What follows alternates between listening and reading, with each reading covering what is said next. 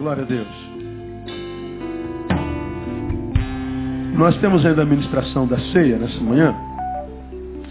E todavia eu queria deixar uma meditação breve, a gente acaba meio-dia o culto dessa manhã, eh, no horário normal, para as mulheres de Deus que estão aqui nessa manhã. Aqui está cheio. Quantas mulheres estão aqui? Fiquem de pé. Só mulheres. A toca está cheia lá com mais de 200 pessoas, ainda tem mais uma multidão do lado de fora. Pessoal que está reclamando, pastor, tem que ter o plano B, vamos botar na toca. A toca já está cheia, está lotado lá de fora. Vamos botar telão no templo antigo também. Aí vai encher o templo antigo também. Depois pedir ao Senhor para nos levar para junto dele, alguma coisa assim. Não, ainda está cedo, está cedo, amém ou não? Então, quantas mulheres têm orgulho de ser mulheres aqui? Deixa eu ver. Glória. Se você pudesse nascer de novo, você nascer mulher de novo? Tem certeza? Né? Menstruação. Tem certeza? Aturar homens. Gerar filhos. Nove meses carregando, carregando. Celulite, estria. Você nascia mulher de novo. Nós homens agradecemos a Deus por isso. Eu queria deixar uma palavra para você bem rapidinho. Fique de pé as mulheres. Abra a tua Bíblia em 1 Coríntios, capítulo 14. Quero dar uma palavra de ânimo, de estímulo. Uma palavra de poder, uma palavra de alegria, uma palavra de reconhecimento, uma palavra inquestionável, uma palavra poderosa, uma palavra de Deus para o teu coração nessa manhã, bem rapidinho, uma palavra pertinente. 1 Coríntios 14, já abriu? Então receba essa palavra aí, versículo 34. As mulheres estejam caladas nas igrejas, porque lhes não é permitido falar mas estejam submissas como também ordena a lei. Amém? Ih, não senti firme. Gente. Essa não é a palavra de Deus, não, Tom?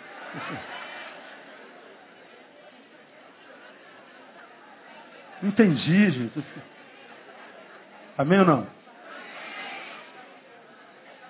As mulheres estejam caladas na igreja. Fala para a irmã que está do seu lado, cala a boca, irmã. Pode sentar. E agora para calar a boca, mano? Hein?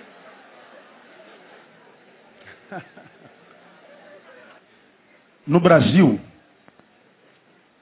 entre 2001 e 2011, aconteceram 50 mil assassinatos de mulheres. Em 10 anos, 50 mil assassinatos de mulheres.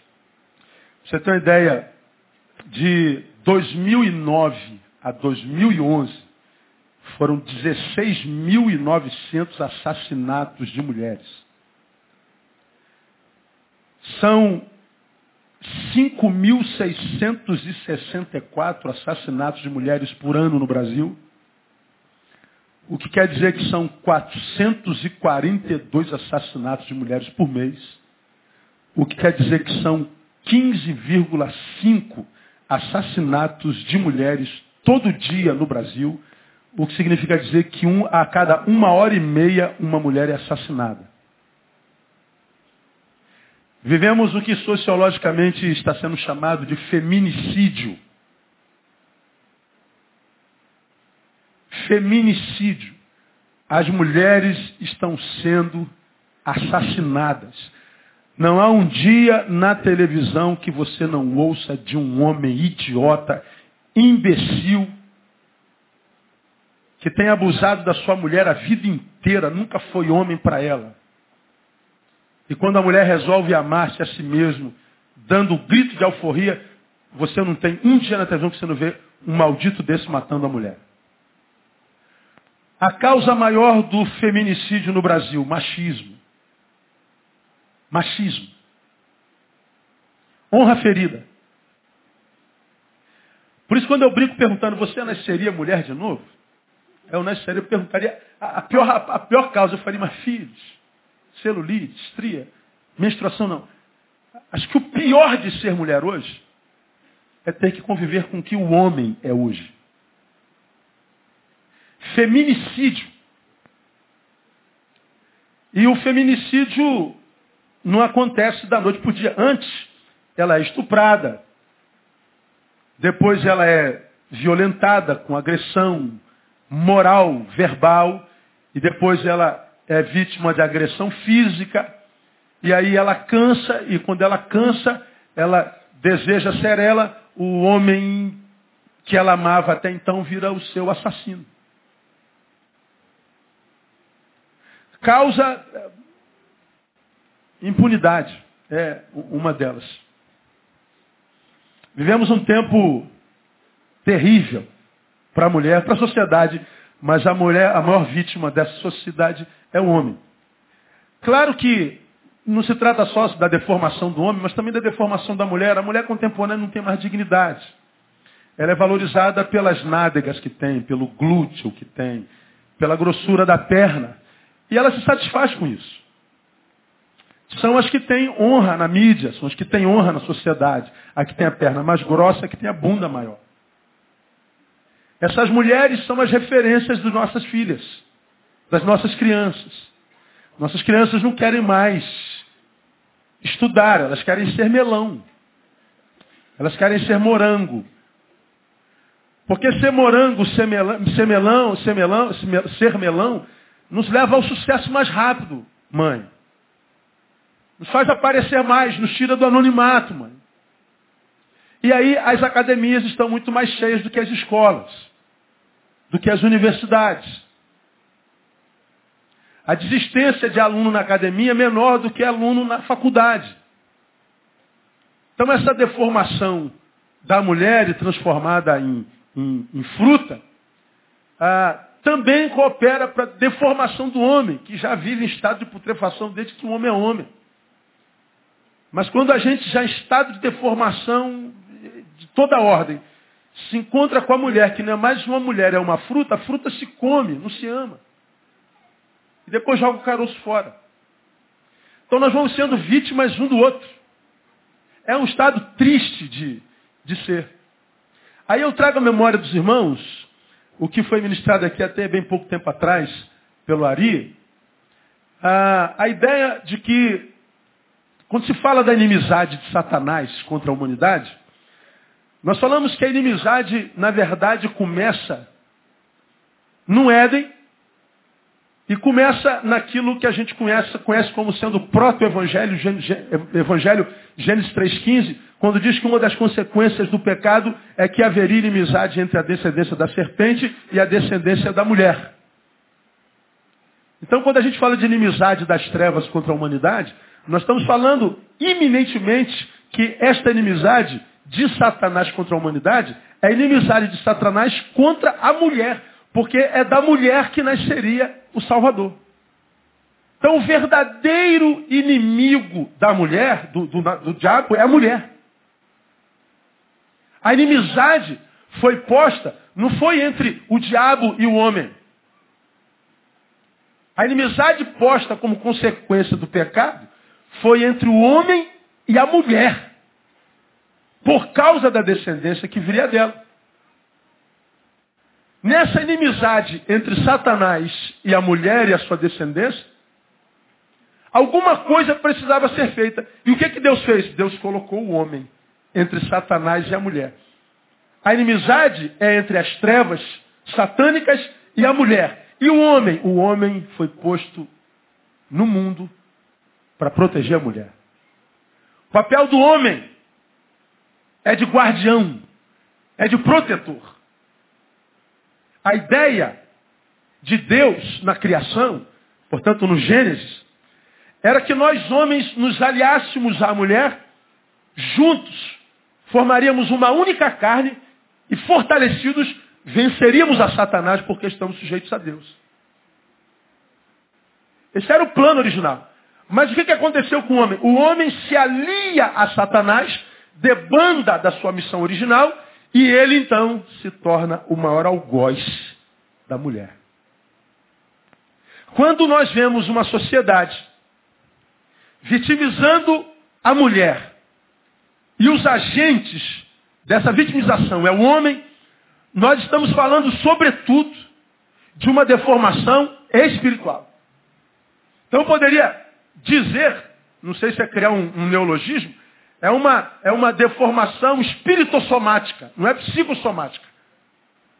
É uma deformação espiritual que se manifesta no corpo, no soma. O homem debanda de lado. Ele foi posto para proteger a mulher. E aliado a ela, vencer a Satanás. Ele sofre uma deformação espiritual. E ele debanda para o lado do diabo e agora ele é o agente de morte dela. Ele é o agente de opressão dela. Ele é o agente de martírio dela. É o que nós vamos acontecer o tempo inteiro. Então, quando a gente vê, irmãos, uma mulher morrendo a cada uma hora e meia, nós estamos falando do ministério das trevas. Nós estamos falando do ministério do diabo. Nós estamos falando que o Deus deste século está tendo êxito na sua missão de matar, roubar e destruir.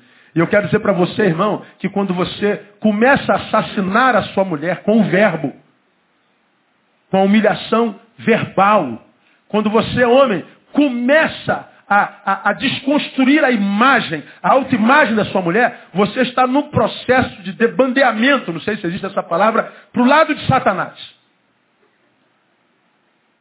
Na minha concepção, eu sei que um homem está mudando de time, a começar pela forma como ele trata a mulher dele. Não. A começar pela forma como ele trata a mulher, dependente de quem ela seja. Triste é saber que essa realidade já não é tão mais rara dentro da igreja que se diz do Senhor. Teve casos aqui, irmão, de eu parar na, na polícia porque o camarada espancou a mulher até desacordar. Já teve caso de eu mesmo chamar a polícia para prender o sujeito. Já teve caso de eu chamar a polícia para me segurar, porque a minha vontade era de quebrar o sujeito. Aí eu, eu chamei a polícia para ele, na verdade era para mim. Quem sou eu, né? Então, quando a gente fala de, de ação espiritual, nós não estamos falando só como, como, como o pentecostalismo brasileiro é, é, é, é, insiste em crer que uma pessoa só está possessa pelo diabo quando, quando ele é homem fala com voz de mulher, ou voz grossa, quando ele é mulher fala com voz de homem, quando perde a consciência, quando está é, é, tomado por um espírito de dentro para fora. Não, eu sei que eu estou sob influência de Satanás, a começar pela forma como eu trato a mulher. Se eu reduzo uma mulher a um pedaço de carne e arranco dela o seu valor intrínseco, ou seja, de um ser humano, e a uso como se fosse uma coisa e a descarto, eu já sei a quem eu estou servindo. Nós vivemos num tempo onde a humanidade é vítima clara, explícita da ação do Deus desses séculos. E a gente conclui isso sem medo de erro, pelo fato de ver como os homens tratam a mulher hoje. Se você está do lado de um homem, fala assim, cuidado com quem você se alia. Diga para ele. Estou arrumando um problema aqui hoje, rapaz, falando isso. Quando tiver a primeira briga do casal e o marido levantar a voz, a mulher vai, olha com quem você está se aliando. É como você me trata que determina de que lado você está. É, é verdade nós fomos postos entre a mulher e Satanás. Aí, você fala assim, pastor, o que tem a ver o texto que o senhor leu? Nada. Ou alguma coisa que eu quero compartilhar com mulher. Quando quando com vocês, quando Paulo diz assim, lá na igreja de Corinto, as mulheres estejam caladas na igreja. Está falando para a igreja que foi mais carnal do Novo Testamento. Uma igreja que perdeu totalmente, totalmente, os princípios e os valores do reino de Deus. Leia a, a 1 Coríntios. Então, era a igreja que não era referência para nada. E o que aconteceu na igreja de Corinto, entre outras coisas, por falta da influência masculina na liderança, porque os homens aliaram-se equivocadamente, mesmo que não soubessem, por causa da ausência, escute, sacerdotal do homem na família e na igreja, o que, que aconteceu? As mulheres ganharam proeminência. Nós não estamos falando aqui de brigas de gênero. Nós estamos falando de papel no caminho. Desde o início, Deus colocou o homem como cabeça da família. Hum, como cabeça não quer dizer que ele seja mais importante, porque eu, eu sou o cabeça. É, mas se tirar o pescoço, a cabeça cai, não serve para nada. Se tirar o corpo, a cabeça não serve para nada. A cabeça só encontra sentido quando acoplada ao corpo. Então não existe grau de importância. Tira, a cabeça pode ser linda, tira o coração. Não sobra nada. É inútil. A cabeça depende do resto do corpo. Nós não estamos falando de, de guerra de gêneros. Estamos falando de função no caminho, de função no corpo. Cada qual, enquanto membro no corpo de Cristo, desenvolvendo a sua função. A igreja de Corinto ela se deformou de tal forma que não mais havia referências masculinas. E aí então, as mulheres pegaram a rede porque diz, há uma missão a ser cumprida. Há uma missão dada por Deus que precisa ser levada a cabo, levada a efeito. E as mulheres então começaram a desenvolver o papel dos homens no caminho. Quando Paulo vem e escreve, ele escreve para doutrinar, e quando ele diz mulheres estejam caladas, não é para divertir a mulher, é na verdade para chamar a atenção dos ausentes homens. Porque as mulheres foram muito mais usadas por Deus a história da humanidade inteira. Você pega o Velho Testamento, eram as mulheres que estavam lá. Em qualquer igreja do Brasil e do mundo, quem faz acontecer são as mulheres. Você pega os ministérios de intercessão, mulheres. Quem pega no pesado são as mulheres. Desde sempre. Então Paulo sabia que as mulheres não tinham como se calar mesmo. Quando Paulo diz mulheres estejam caladas, ele não está dizendo vocês não podem ser úteis à igreja. Vocês não devem ser usadas por Deus como na igreja. Como está acontecendo na nossa própria denominação nesse exato momento. A, a, a denominação está quase dividindo, porque estão discutindo se mulher pode ser pastor ou não. A Convenção de São Paulo, a Ordem de Pastores Batistas de São Paulo, está ameaçando se desligar da Ordem dos Pastores do Brasil, porque a Ordem dos Pastores Batistas do Brasil, em janeiro, resolveu acolher mulheres pastoras no seu rol de membros. E a Convenção de São Paulo está dizendo, se isso não for revogado, nós vamos nos afastar da Convenção. Aí, por quê? Porque a mulher não pode ser pastora. Eu falei, meu Deus do céu, como é que a gente pode ser, passar por um religionismo tão pequeno?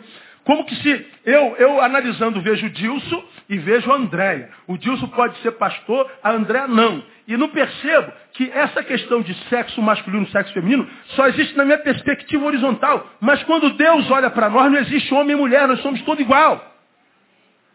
E a única, a única condição de liderança de cargo no Novo Testamento só era uma questão de cargo e de liderança do Novo Testamento por causa da cultura. E na cultura na qual Jesus começou a valorizar a mulher, a mulher não era nada, de tal forma que se eu chegasse em casa, André tivesse queimado o arroz, eu podia mandar ele embora. Eu jogava o arroz no lixo e mandava André embora e pegava outra botava dentro da minha casa. Ou seja, a mulher era uma coisa, a mulher era um jarro na casa. Ela não tinha valor nenhum. Como que na igreja do Novo Testamento, Jesus poderia chegar e pegar essa mulher que não é nada, é uma coisa, e colocar na liderança da igreja. Colocar entre os apóstolos. Como? Nunca que ele poderia fazer isso. Haveria um ruído na comunicação com aquela sociedade, que aquela sociedade fecharia todas as portas. Então ele usa a própria cultura daquela geração para alcançar aquela geração. Alcançou aquela geração e naquela geração a primeira coisa que ele fez foi valorizar a mulher. Agora você não pode mandar mais a tua mulher embora porque ela queimou arroz, porque ela pôs dois vincos na tua calça. Agora você não vai mais tratar a mulher como, como, como uma coisa, não. Você vai ter que honrar essa mulher. E você só vai poder mandar ela embora se for caso de adultério. E quando ele fala de caso de adultério, ele está dizendo, é porque a mulher ou o homem se deitou com alguém e chegou a um nível de relacionamento tão íntimo qual contigo, que se chegou lá, é porque todas as etapas de, de, de, de, relacionamento já foram queimadas transpostas, desconstruída, de modo que chegou a intimidade semelhante à sua. Então, aí você pode mandar embora. Agora, enquanto ela não teve uma relação de intimidade com outra, como você, você não tem que mandar embora. Você tem que sarar. Você tem que ser o agente de reconstrução. Você tem que ser o agente de, de cura. Você tem que continuar sendo bênção na vida dela. É disso que Jesus está falando. Jesus traz honra, dignidade à mulher. Jesus coloca a mulher na história. Jesus dá visibilidade à mulher. Então, quando Paulo vem e diz mulheres estejam caladas, pergunta ao seu marido em casa, está falando que é, é, a fala, esse papel de sacerdócio, esse papel de ensino, é, é do homem, desde sempre. Agora, quando a gente traz para a nossa cultura, irmãos, não é escândalo nenhuma mulher chegar aqui e pregar e tem mulheres que pregam melhor que a gente mil vezes. Por quê? Porque a mulher, a despeito de ter um cérebro como a gente, a mulher tem um útero que a gente não tem. E ela então ama diferente da gente. É disso que Paulo está falando. Jesus continua valorizando a mulher. E a mulher valorizada por Jesus não pode perder o seu valor, irmão. Se há uma área na qual vocês, mulheres, precisam trabalhar, é a sua estima. Se há uma área que vocês não podem deixar adoecer em vocês, é o amor próprio, é a própria dignidade. É desenvolver em vocês essa capacidade de remar contra essa maré, na qual a mulher se reduz a um pedaço de carne andante, a uma coisa que serve de prazer para si mesmo ou para alguém, e não perder a sua dignidade, ou seja, você é um ser humano pleno, completo, no qual Deus habita e no qual Ele tem prazer. Essa palavra que eu queria deixar com vocês nessa manhã de dignificação. Não permita que seu marido te reduza a, a, a, a um ser subserviente. Não permita que seu marido lhe espanque. Seu marido levantou a voz, espancou. Polícia nele. E se eu fosse contar. Eu, eu, aqui eu vou contar algumas experiências. Eu não vou contar não, porque você vai querer ir embora da igreja, mano. Você, que isso? Em Betânia tem isso? Tem, tem. Tem. Tem o que você imaginar, tem. Então, por que que, na minha concepção, para a gente caminhar para o final, por que, que as mulheres não podem calar? Paulo diz, estejam calados. Explicamos por que, que Paulo disse isso.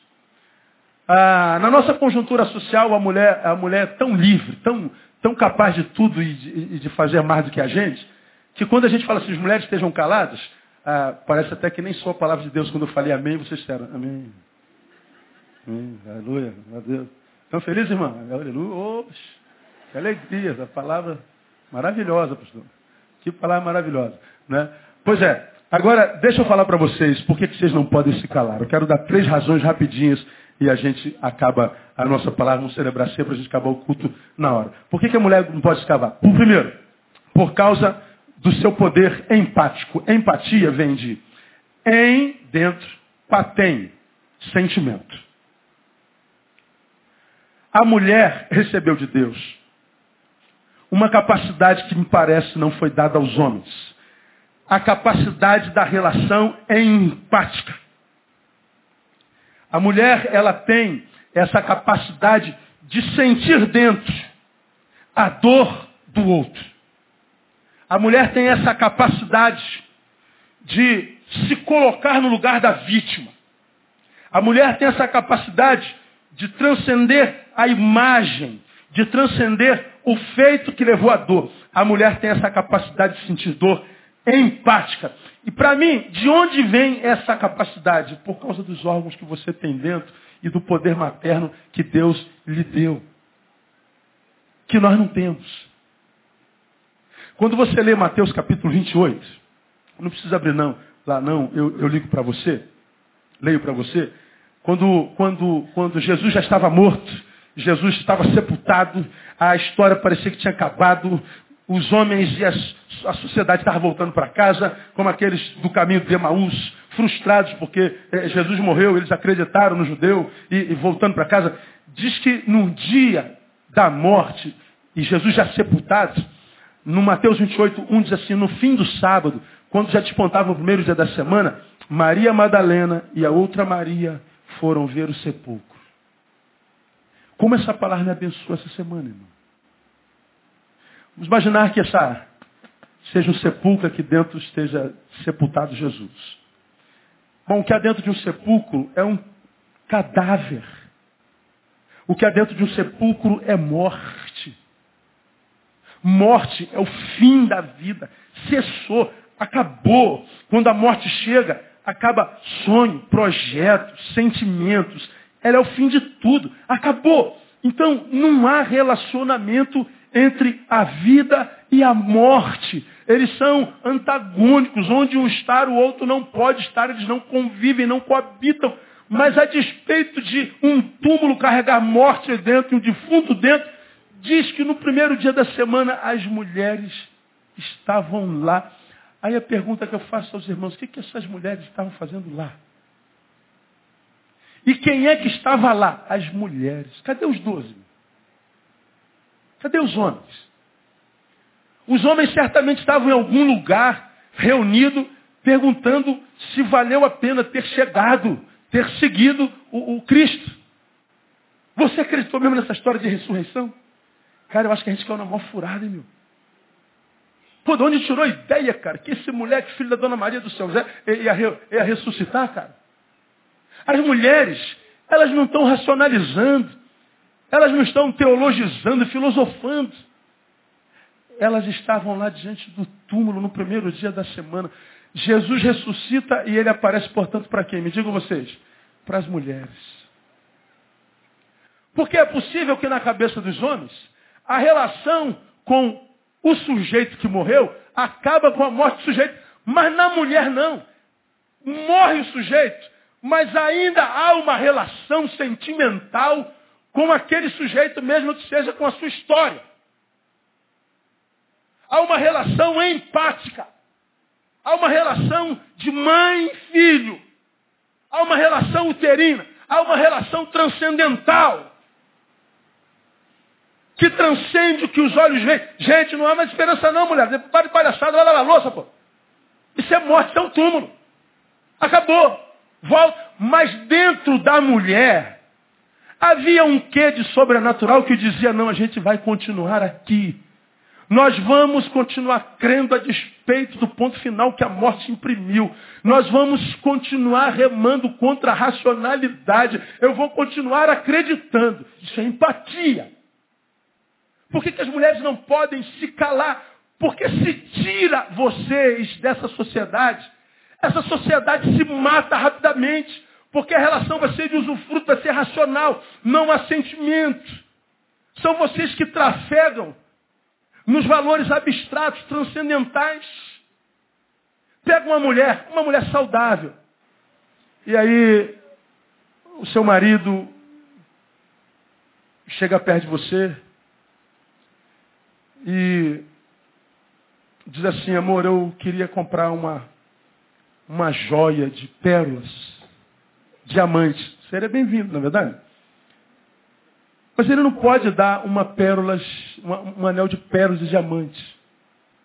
Agora pense, ele trouxe uma rosa. Ah, ouviu o movimento? Diz assim, amor,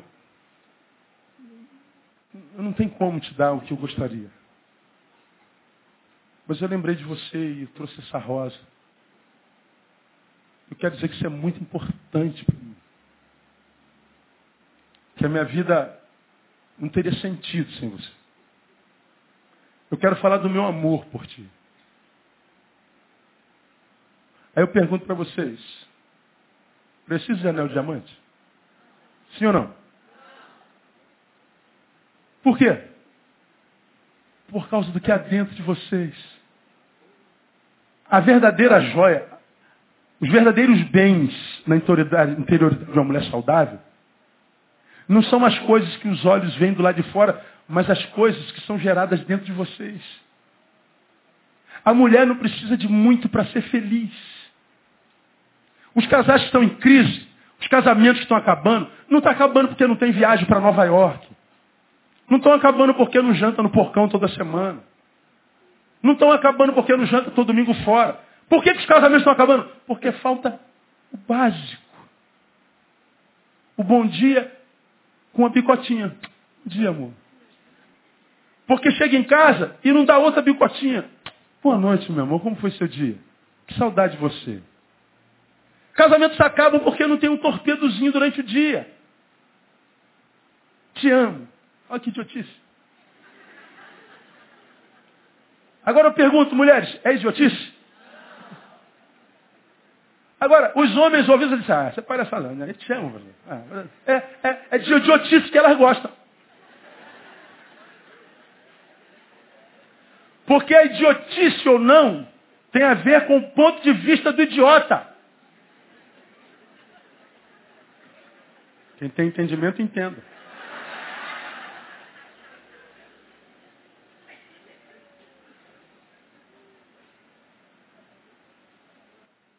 Mulheres não pedem num homem dinheiro, riqueza. A mulher só precisa ser amada. O resto, ela ajuda a conquistar. Ela precisa ser respeitada. Ela precisa ser honrada. Ela precisa ser valorizada como tal. E quando você, homem, que está aí me ouvindo, dizendo, assim, o senhor não conhece minha mulher, pastor. Que a minha mulher já está me deixando pelado, já não tem mais aonde tirar. Pois é, por que, que ela valoriza as tuas coisas? Porque está faltando, quem sabe, o essencial. Eu estou arrumando briga aqui hoje, estou. Arrumando problema. Os caras vão pegar lá fora hoje, mano. Poder empático, interno, subjetivo. Por exemplo, maternidade. Deus deu a vocês o que não deu a gente, útero. Geração de vida. Já falei sobre isso aqui. A, a, a mulher concebeu, nove meses, nunca vi mulher. O moleque saiu. Bota no colo da mãe. Pum, encaixa direitinho. Parece que, cara, o filho, pode ser o primeiro filho, a mulher brinca. Bota no, no colo do marido. Ai, Jesus, tem misericórdia. Ai, Jesus. Parece que a criança vai quebrar. A relação da mulher com o menino é de empatia, do homem, de simpatia. A nossa relação é visual, é funcional, é simpática.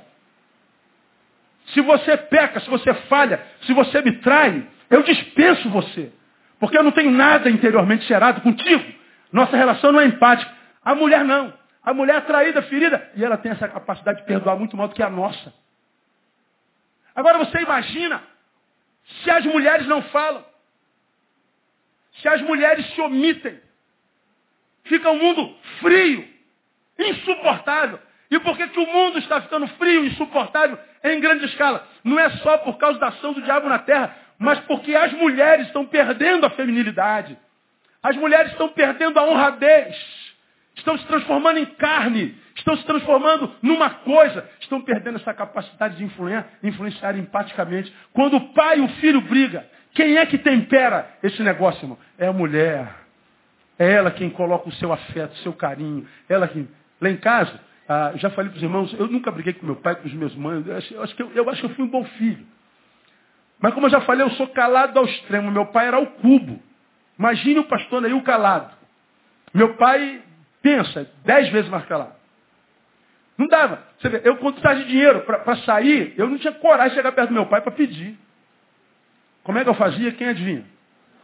E aonde? Ô mãe, quer bugalho aí? Aí a mãe é no pai e tal, aí vem com o dinheirinho. Acontece aí também, não? É mulher. A mulher é o tempero da vida. É o sabor da vida. Então não permitam-se perder esse privilégio, irmã. O mundo precisa de mulheres. Eu não estou falando de só pessoas que, que tenham uma vagina. Não é isso que eu estou falando. Eu estou falando de gente que tenha útero. De gente que tenha sentimentos empáticos, relações de entranháveis afetos. Por isso que a mulher não pode se calar de jeito nenhum. O cônjuge brigou. Quem é que geralmente pede perdão primeiro? A mulher. Sempre. São vocês. Então por que, que a mulher não pode parar? Calar? Por causa do seu poder empático. Segundo, por que, que a mulher não pode calar? Por causa da sua capacidade de resistência ante a adversidade. Dizem que a mulher é o sexo frágil. Agora eu pergunto, é mesmo? Quem acredita que a mulher é o sexo frágil? Ninguém a não ser fisicamente. É o bios frágil. Sexo não. Mulher, ah, é dona de casa. Ou não.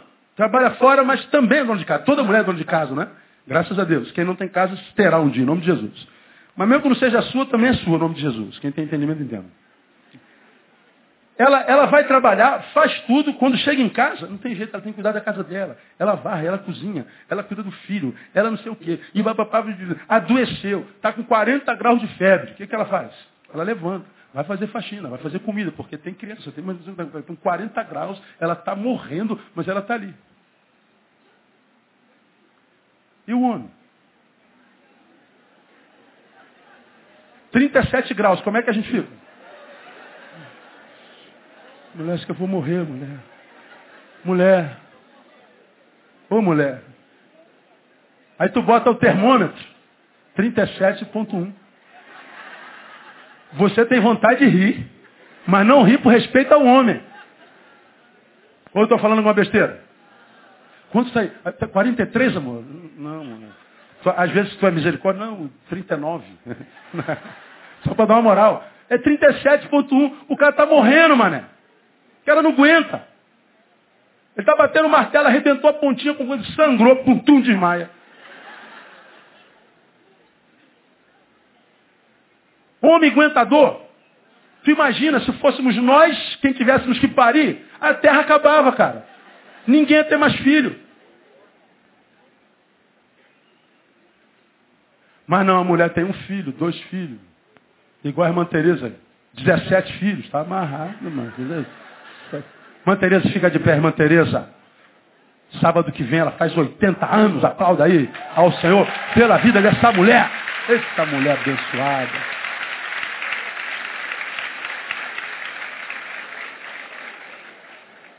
Isso é macho pra chuchu, rapaz. Isso é fogo puro. Então, obrigado, irmã Tereza, pode sentar. Então, eu queria ver um homem ter 17 filhos ter, não sei, não, não aguenta, a gente não aguenta a dor. Agora, por que, que a gente precisa da mulher, cara? Porque é, é, é como Ana. Você vai lá em 1 Samuel, capítulo 1.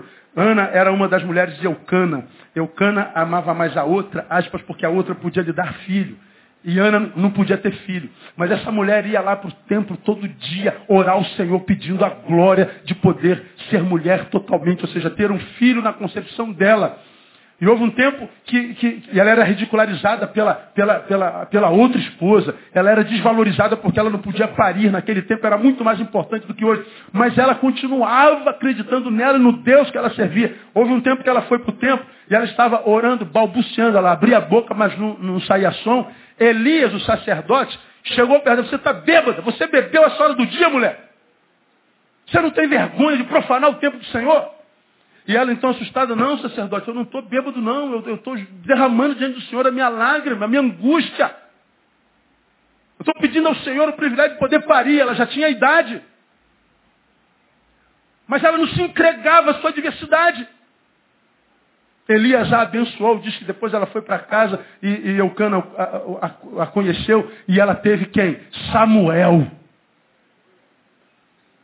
E ela tinha prometido ao Senhor que se ela tivesse um filho, ela entregaria o seu filho para sempre. Ela teve um filho e levou para Deus. Ela não teve o privilégio de ser mãe que cria, mãe que acompanha. Ela foi só mãe que gerou. Ela entregou o filho a Deus. Porque é uma mulher que, embora sentisse a dor da entrega do filho, mesmo que fosse a Deus, ela entendia que é mais, mais, mais importante cumprir uma promessa ao Senhor do que sentir desejo em si mesmo. E ela abre mão do seu próprio desejo, da sua própria paixão, do seu próprio sonho e entrega na mão de Deus. Isso é capacidade de superação, irmão. Uma mulher que consegue fazer isso, consegue superar qualquer coisa, irmão. Não há poder no seu marido, não há poder no estuprador, não há poder na terra que seja capaz de parar uma mulher que se entende, sendo de Deus no caminho. Você está aqui nessa manhã passando pelo teu pior percalço na vida. Há em você uma força de Deus tão grande Em você uma, uma, uma, uma, realidade de Deus tão grande que é, você não, não sabe que existe dentro de você. A sua capacidade de resistência é uma coisa tremenda. E se a mulher se entrega, pelo amor de Deus, irmãos, eu, eu, quando a gente analisa uma pessoa de fora para dentro, a visão que a gente tem da pessoa é sempre maior do que ela é. Então, quando você me analisa, eu sou maior do que de fato eu sou em você, mas eu sei que eu não sou tudo isso que vocês pensam. Como eu também analiso a vida de algum de vocês, imagino que é tanta coisa, mas que você sabe não é também. Se você tem saúde emocional, você sabe que não é tudo isso que aquilo que os outros pensam que você é. Então, se a gente pega a, a, a geografia, a história da vida, é do meu caso, tudo que eu fiz é, aparentemente deu certo, está tudo prosperando. Com esse cara, cara, eu já tive vontade de desistir um, um monte de vezes. Eu já tive vontade de largar ministério. Já houve épocas no meu ministério que eu falei, essa gente não me merece. Quero mais saber disso. Eu vou fazer outra coisa, eu vou abrir meu consultório e, e, e não vou ter uma relação pastoral com ninguém. Vou ter de, de, de, de, profissional e paciente. 45 minutos, vai embora, próximo, vai embora, próximo e acabou. Quantas vezes eu fui tentado por não saber lidar com a dor a deixar de ser eu mesmo e abandonar a missão para a qual eu nasci. Bom, cheguei até aqui por quê? Olha lá.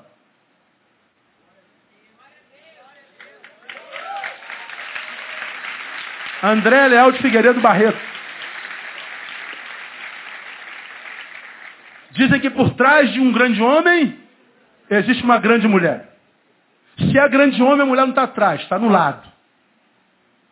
Se está atrás, não é grande. Quantas vezes, na, na, na, no desejo enorme de desistir de ser o, aquilo para o que eu nasci, ah, ou seja, minha resistência acabou, a minha vida continua em função da resistência daquela mulher. Por que, que a mulher não pode se calar? Porque se a mulher se cala, você não tem noção quanto nós, que vivemos vociferando pelos lábios, somos frágeis com relação às dores da vida. Somos frágeis com relação às angústias da vida. Nós precisamos de vocês, mulheres. O marido que está do lado da mulher se a homem diga para ela, eu preciso de você, mulher. Porque vocês são, são arquétipo da verdadeira resistência. Eu termino. Porque as mulheres não podem se calar. Porque nós homens sem vocês somos incompletos. Gênesis 2, 18. Não é bom que o homem esteja. Far-lhe uma ajudadora. Precisa de ajuda quem não pode sozinho. Deus entende que solidão não é bom para o homem, porque a vida só pode ser desenvolvida com parceria. E ele então cria a mulher e nos dá, como quem diz, um homem sem mulher é incompleto. Não há plenitude. Então, eu queria, eu queria nessa manhã louvar muito a Deus pela vida de vocês. Louva a Deus pela vida da mãe que eu tive. Louva a Deus pela vida da minha esposa, louva a Deus pela vida das minhas filhas. Louva a Deus pelas mulheres dessa igreja. Grande parte da liderança dessa igreja é composta por mulheres. Mulheres que muitas vezes têm problema com o marido em casa, têm problema é, com a sociedade, mas mulheres que permanecem fiel ao chamado e à vocação. Não abrem mão só porque não, não, não concordo mais com você, Rodrigo. Então, vá e substitui. Mulheres que, que, que, que entenderam que a vocação é vocação e os dons da vocação são irrevogáveis. Estão ali porque amam. Estão ali porque entendem nasceram para isso e a vontade de Deus que esteja ali. Então louva a Deus pela vida de cada uma de vocês. Louva a Deus porque vocês existirem. Porque vocês, mulheres, estão na terra transformando essa sociedade ainda numa sociedade possível de se viver. Porque se tira vocês, esse negócio implode, explode, acaba. Então receba essa palavra de estímulo. Pelo menos na igreja Batista Betânia não tem nada a ver contra uh, ir contra a palavra. Ah, pastor Paulo disse àquela igreja de Corinto, mulheres estejam caladas. O pastor Neil diz à sua igreja em Betânia, mulheres falem. Mulheres sejam. Mulheres façam. Mulheres não parem. Mulheres se amem. Valorizem-se. Não percam a dignidade. Não se permitam reduzir-se a um pedaço de carne. Mantenham-se de pé, a despeito das dores, das adversidades, dos, dos, dos infortúnios, das injustiças. continuem a ser quem vocês são. Porque há recompensa. Quero terminar minha palavra e convidar os pastores para já virem à frente. Vamos celebrar a nossa comunhão na ceia do Senhor. Aplauda o Senhor por essa palavra. Aplauda o Senhor pelas mulheres da tua vida. Em nome de Jesus.